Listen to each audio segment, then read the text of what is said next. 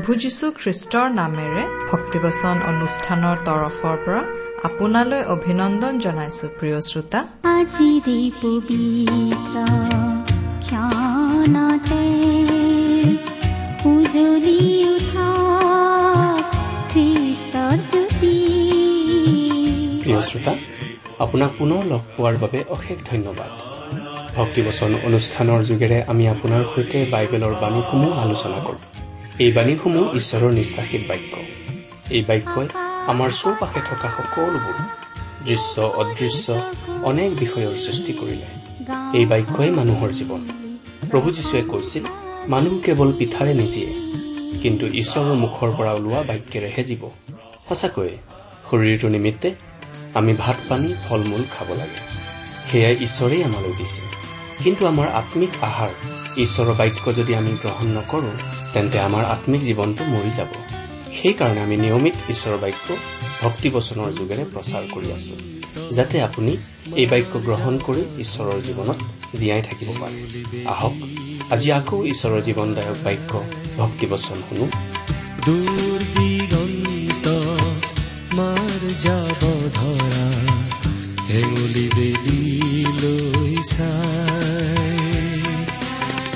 বাহলে বুলি জাত পাতি উৰা বিহংগৰ পিনলৈ চাই হৃদয় উঠলে বুজা বেগেৰে প্ৰভু তোমালৈ মনত পৰে প্ৰভু তোমালৈ মনত পৰে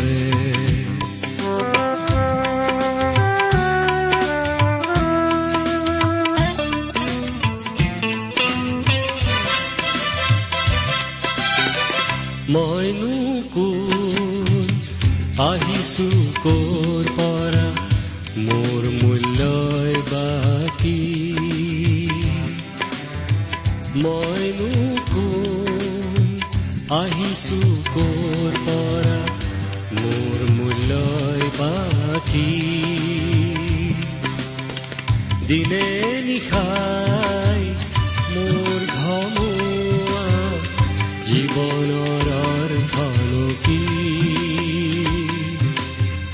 অলেখ চিন্তাই মোক আগুৰি ধৰে প্ৰভু তোমালৈ মনত পৰে। প্ৰভু তোমালৈ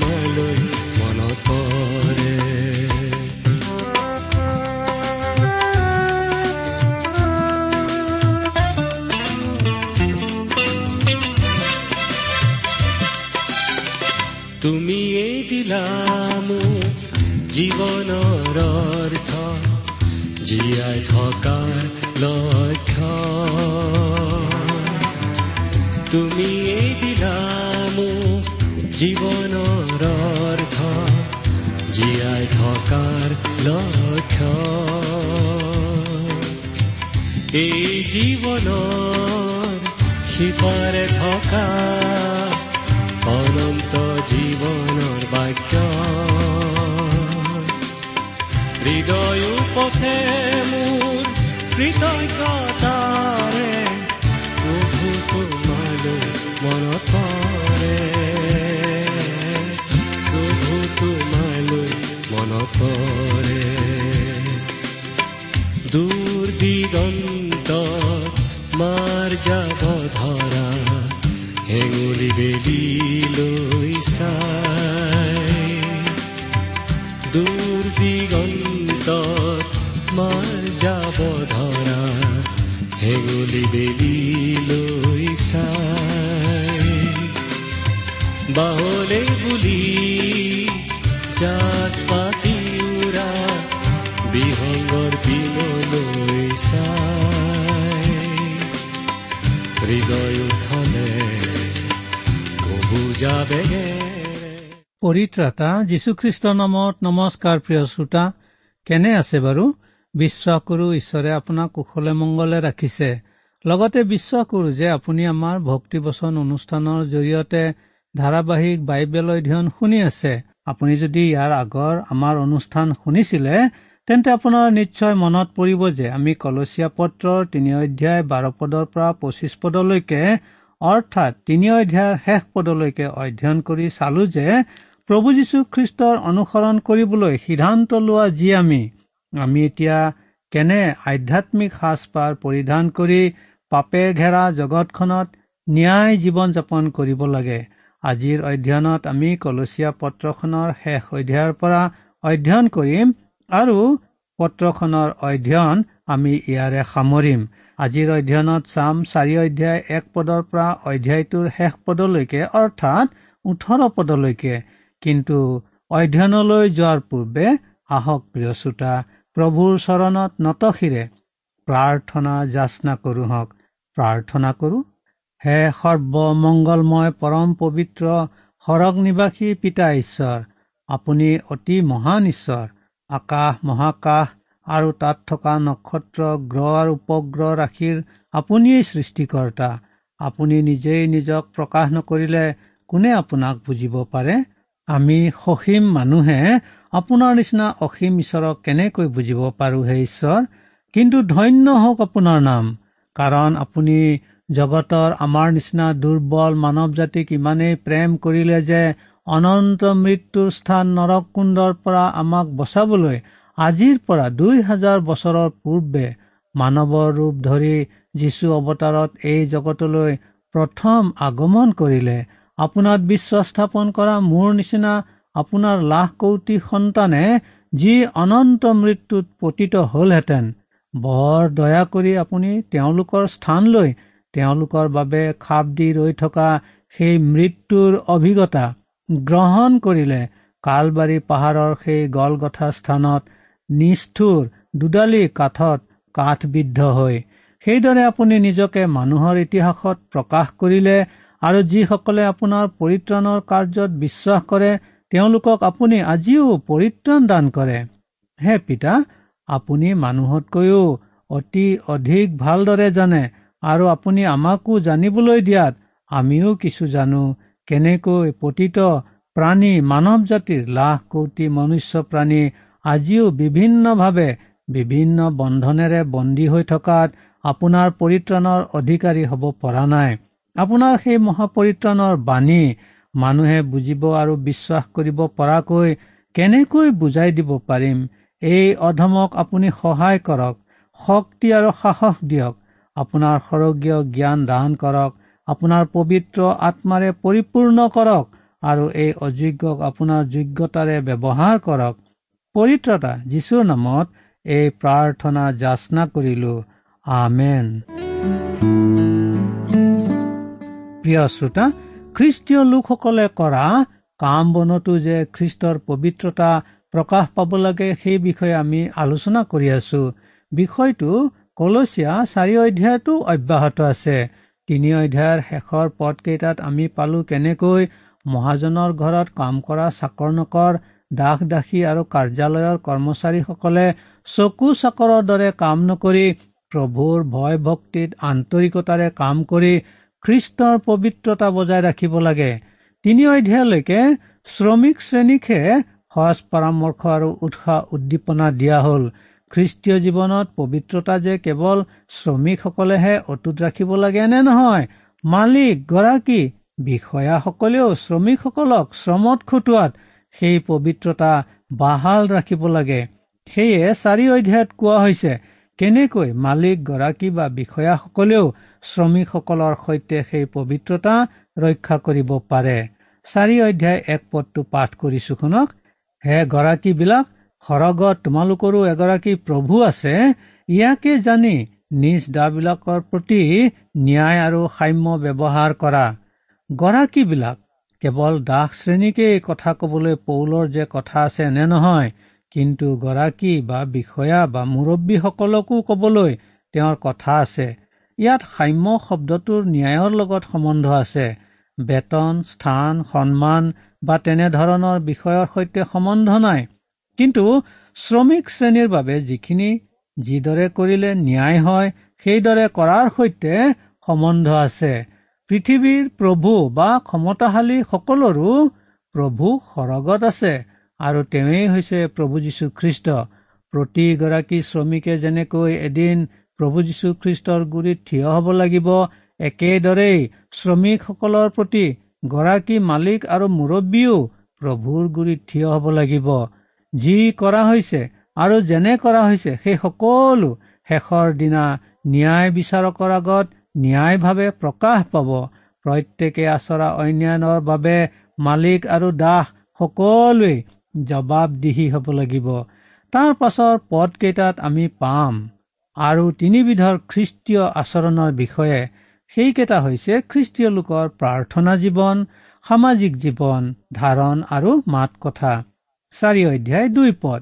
তোমালোকে প্ৰাৰ্থনাত লাগি থাকিবা আৰু ধন্যবাদেৰে তাত পৰ দিবা। প্ৰাৰ্থনা আৰু পৰ দিয়া এই শব্দ দুটা সদায় একেলগে থাকে। দুয়োটাই বৰ প্ৰয়োজনীয় কাম। এহাতে যেনেকৈ কেৱল প্ৰাৰ্থনা কৰিলে দায়িত্ব শেষ নহয় আনহাতে তেনেকৈ কেৱল পৰ দিলেই কাম সিদ্ধ নহয়। কেৱল প্ৰাৰ্থনা কৰাসকলে প্ৰভুকে সকলো কৰিবলৈ কয় আৰু নিজৰ ফালৰ পৰা কৰিবলৈ একো নাই বুলি ভাবে।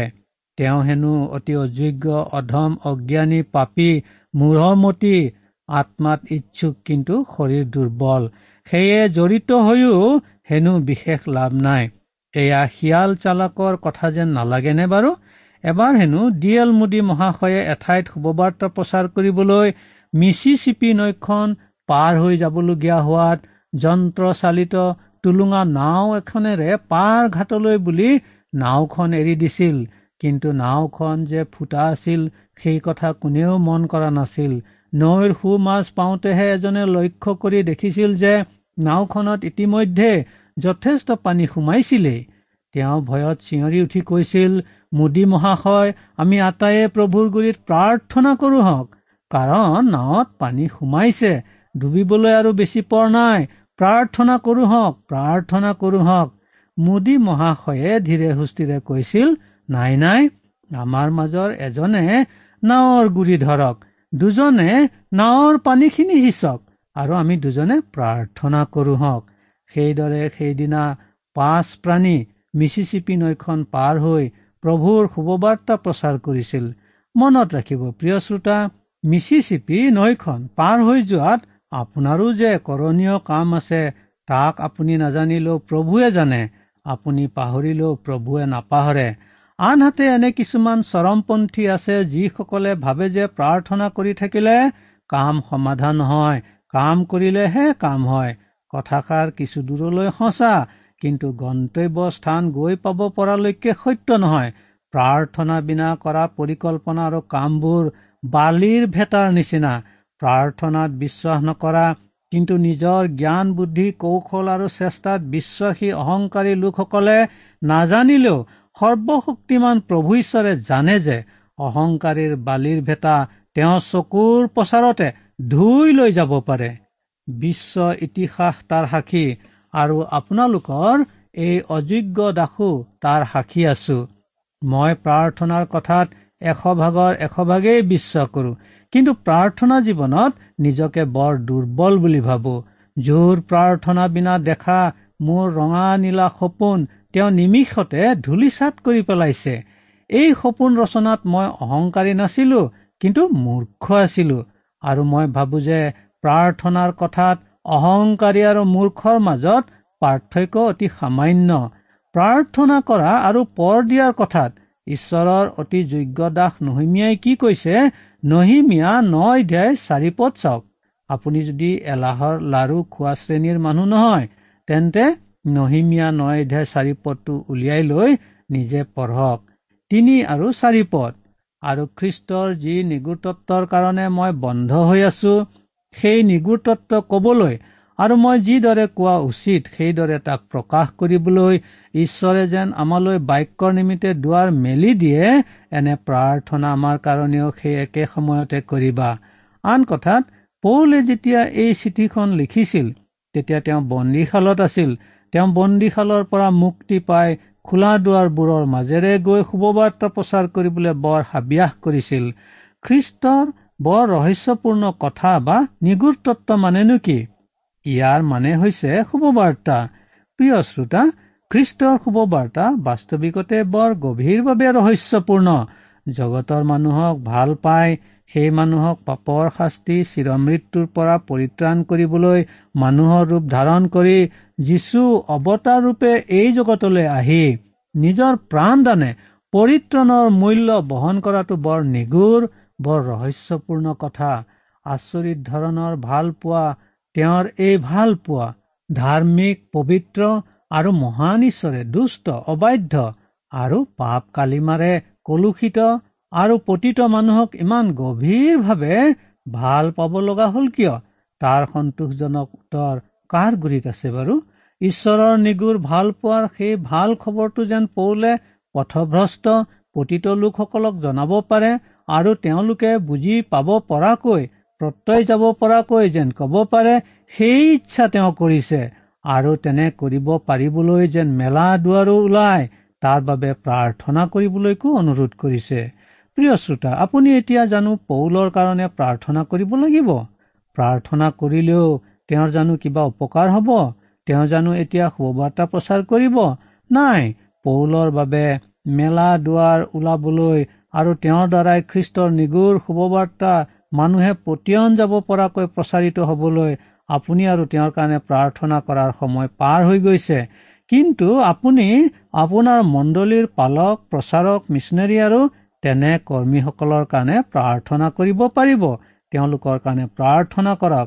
হয় প্ৰিয় শ্ৰোতা প্ৰভু যীশু খ্ৰীষ্টৰ নিগুৰ তত্বপূৰ্ণ আৰু ৰহস্যপূৰ্ণ শুভবাৰ্তা প্ৰচাৰ ইমানেই প্ৰয়োজনীয় যে তাৰ বাবে সুযোগ সুবিধা বা কৰ্মক্ষেত্ৰ বিচাৰি পাবলৈ আমি আটাইয়ে প্ৰাৰ্থনাত থাকিব লাগে। তাকেই পৌলে খোলা বা মেলা দুৱাৰ বুলি কৈছে। আপোনালোকৰ এই অযোগ্য দাসৰো এতিয়া সেই এটাই চিন্তা খ্ৰীষ্টৰ গভীৰ ৰহস্যপূৰ্ণ শুভবাৰ্তা প্ৰচাৰ কৰিবলৈ খোলা দুৱাৰ কত পাওঁ? যিমানেই বৃদ্ধ হৈ আহিছো সেই চিন্তাটো কিন্তু সিমানেই অধিক হৈ আহিছে। ইটো সিটো ব্যৱস্থা চিন্তা কৰি আহি আছো। আৰু তাৰ বাবে প্ৰাৰ্থনাটো লাগি আছো।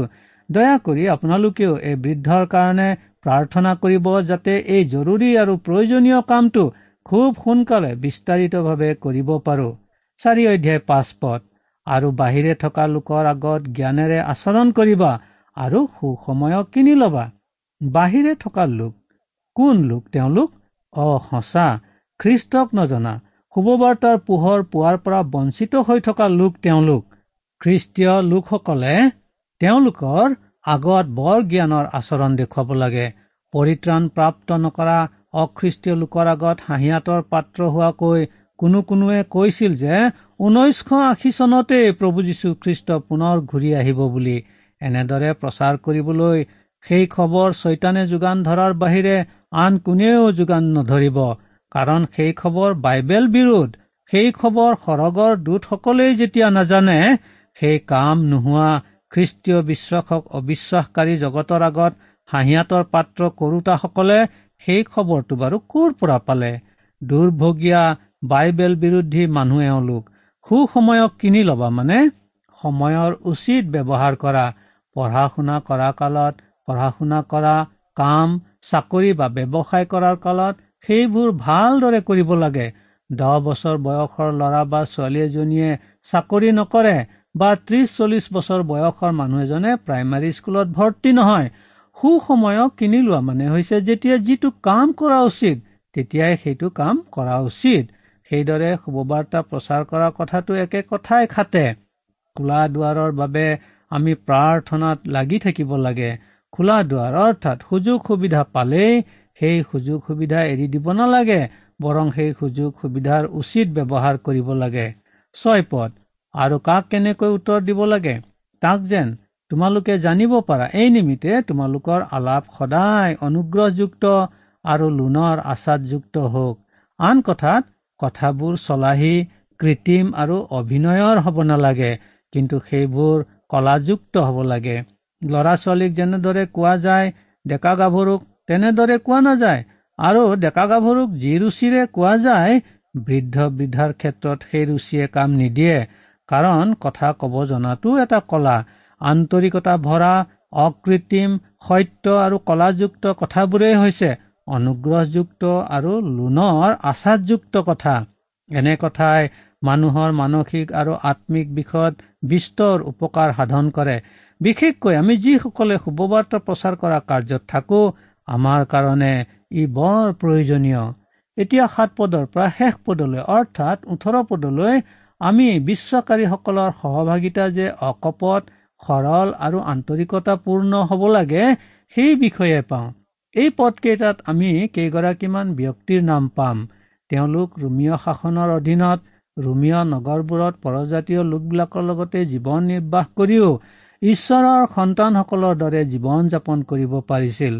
পৌলে নিজে ৰোম আৰু কলচীয়া নগৰলৈ যোৱা নাছিল কিন্তু সেই নগৰ দুখনৰ কোনো কোনো লোকেও বিভিন্ন ঠাইত পৌলৰ শুভবাৰ্তা প্ৰচাৰত মন পালতাই প্ৰভু যীশুখ্ৰীষ্টত বিশ্বাস স্থাপন কৰাৰ পাছত নিজৰ নিজৰ নগৰ যেনে ৰোম কলচীলৈ গৈ মণ্ডলী পাতিছিল।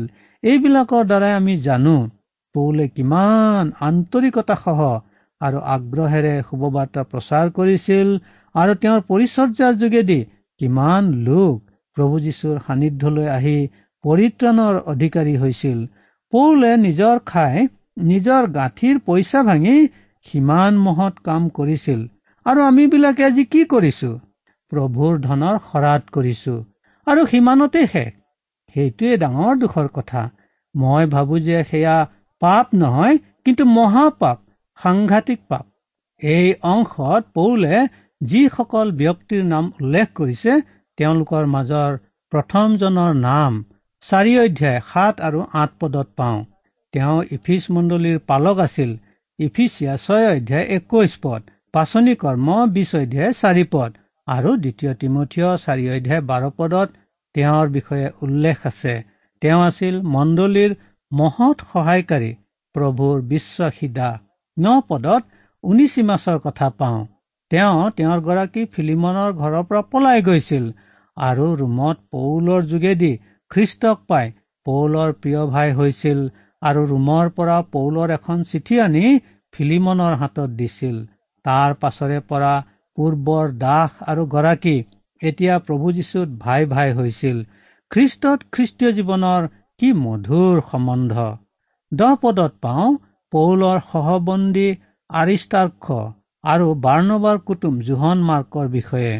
এইগৰাকী মাৰ্কেই মাৰ্ক শুভবাৰ্তা পুস্তকখন লিখিছে আমাৰ যিসকলৰ বাইবেলৰ সৈতে ভাল পৰিচয় আছে সেইসকলে জানো যে এটা সময়ত জোহন মাৰ্ক পৌলৰ পচন্দৰ যুৱক নাছিল আৰু সেয়ে এবাৰ তেওঁক কেন্দ্ৰ কৰিয়েই পৌল আৰু বাৰ্ণবাৰ মাজত তুমুল বাক বিতণ্ডা চলিছিল বাক যুদ্ধ চলিছিল।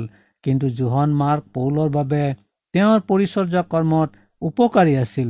দ্বিতীয় তিমঠীয় চাৰি অধ্যায় এঘাৰ পদ। পূৰ্বৰ অপচন্দৰ যুৱক শেষলৈ উপকাৰী সহকৰ্মী হৈছিল। খ্ৰীষ্টত থকাসকলৰ ক্ষেত্ৰত সেইটো সম্ভৱ হয়। এঘাৰ পদত যীশু যীহুচোৱা বা জ্যুষ্ট এগৰাকী যিহুদী খ্ৰীষ্টীয় লোক আছিল। ইয়াৰে জানিব পাৰি যে কলচী মণ্ডলীখন মূলত পৰজাতীয় খ্ৰীষ্টীয় লোকৰ আছিল যদিও জ্যুষ্টৰ দৰে। এই এগৰাকী যিহুদী লোকো তাত আছিল। তেওঁলোক সুন্দৰ খ্ৰীষ্টীয় লোক। পৌলৰ সহায়কাৰী হোৱাৰ উপৰিও তেওঁলোক নিজেই সুন্দৰ মিছনেৰী আছিল। বাৰ পদত আৰু এগৰাকী অতি সুন্দৰ ব্যক্তিৰ বিষয়ে পাওঁ আৰু তেওঁ হৈছে ইপাফ্ৰা। এতিয়া তেওঁ বন্দীশালত। সেয়ে তেওঁ এটা নতুন পৰিচৰ্যা কাম আৰম্ভ কৰিছিল আৰু সেয়া আছিল প্ৰাৰ্থনাৰ পৰিচৰ্যা। প্ৰাৰ্থনা পৰিচৰ্যাত কোনে কাক বাধা কৰিব পাৰে? তেৰ পদত কলচীৰ ওচৰে পাজৰে থকা দুখন মণ্ডলী ক্ৰমে লায়দকীয়া আৰু হিয়াৰা পলিচৰ কথা কোৱা হৈছে। চৌধ্য পদত প্ৰিয় বেজ লোক নামেৰে শুভবাৰ্তা লোক আৰু পাচনি কৰ্ম পুস্তকৰ লিখক লোক আৰু ডিমাৰ বিষয়ে কোৱা হৈছে। পদত নুমফাৰ নাম উল্লেখ কৰি তেওঁৰ খনেই এখন মণ্ডলীৰ নিচিনা হোৱাৰ ইংগিত দিয়া হৈছে। আদিতে সেৱা উপাসনাবোৰ ঘৰতে আৰম্ভ হৈছিল আৰু শেষৰ কালতো ঘৰতেই সেৱা উপাসনাবোৰ অনুষ্ঠিত হ'ব চাগে। ষোল্ল পদত কোৱা হৈছে যে কলচীয়া পত্ৰখন কলচী মণ্ডলীত পঢ়া হলে লায়দুকীয়াতো পঢ়িব লাগে। আৰু লায়দুকীয়াৰ চিঠিখন লায়দুকীয়াত পঢ়া হলে সেইখন চিঠি কলচী মণ্ডলীতো পঢ়িব লাগে। সোতৰ পদত তেওঁৰ তালিকাৰ শেষ মানুহজনৰ বিষয়ে উল্লেখ কৰা হৈছে আৰু তেওঁ হৈছে আৰ্খিপ তেওঁক পৰামৰ্শ দিয়া হৈছে যেন তেওঁৰ পৰিচৰ্যাত তেওঁ সাৱধান হয়। ওঠৰ পদত আমি এই ইংগিত পাওঁ যে কলচীয়া পত্ৰখন তেওঁ শ্ৰুতলিপি দি আনৰ হতুৱাই লিখাই মংগলবাদখিনি কিন্তু নিজ হাতে লিখিছিল আৰু নিজে চহী কৰিছিল। কলচীয়া পত্ৰৰ অধ্যয়ন আমি ইমানতে সামৰিব খুজিছো কিন্তু এই পত্ৰখনৰ পৰা আপুনি যি যি শিকিলে সেই বিষয়ে আপুনি আমাক যেন লিখি জনায়।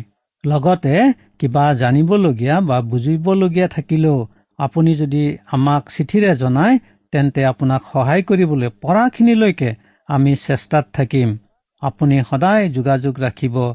এই আশাৰে আজিৰ অনুষ্ঠান আমি ইমানতে সামৰিছো। ঈশ্বৰে আপোনাক আশীৰ্বাদ কৰক।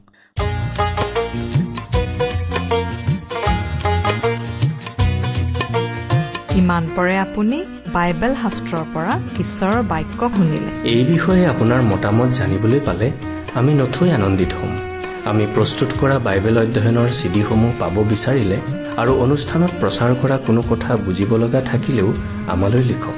আমাৰ যোগাযোগৰ ঠিকনা ভক্তিবচন ট্ৰান্সপল ৰেডিঅ' ইণ্ডিয়া ডাক বাকচ নম্বৰ সাত শূন্য গুৱাহাটী সাত আঠ এক শূন্য শূন্য এক।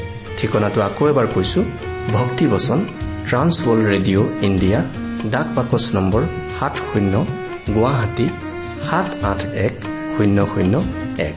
আমাৰ ইমেইল এড্ৰেছটো হৈছে Assamese T TV at the rate radio' eight eight two dot com. আমাৰ website W W W dot T W R dot in. আপুনি টেলিফোনৰ মাধ্যমেৰেও আমাক যোগাযোগ কৰিব পাৰে। আমাৰ টেলিফোন নম্বৰটো হৈছে nine eight five four zero' four zero' eight eight nine. Phone নম্বৰটো আকৌ এবাৰ কৈছো ন আঠ পাঁচ চাৰি শূন্য চাৰি শূন্য আঠ আঠ ন। আপুনি এই ভক্তিবচন অনুষ্ঠানটি আমাৰ website W W W dot radio' eight eight two dot কমতো শুনিব পাৰিব।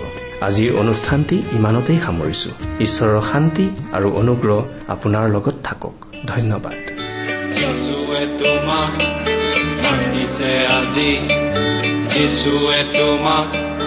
মাতিছে আজি। যিশুৱে তোমাক মাতিছে আজি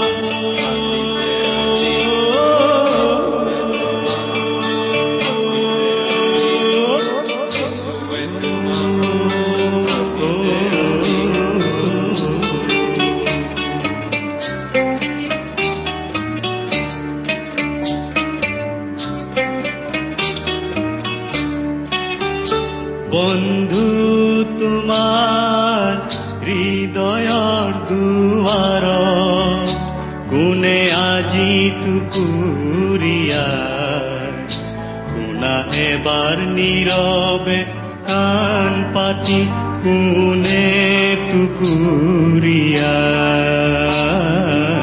কোনে বাৰু টুকুৰীয়া তোমাক মাতিছে আজি। যিশুৱে তোমাক মাতিছে আজি।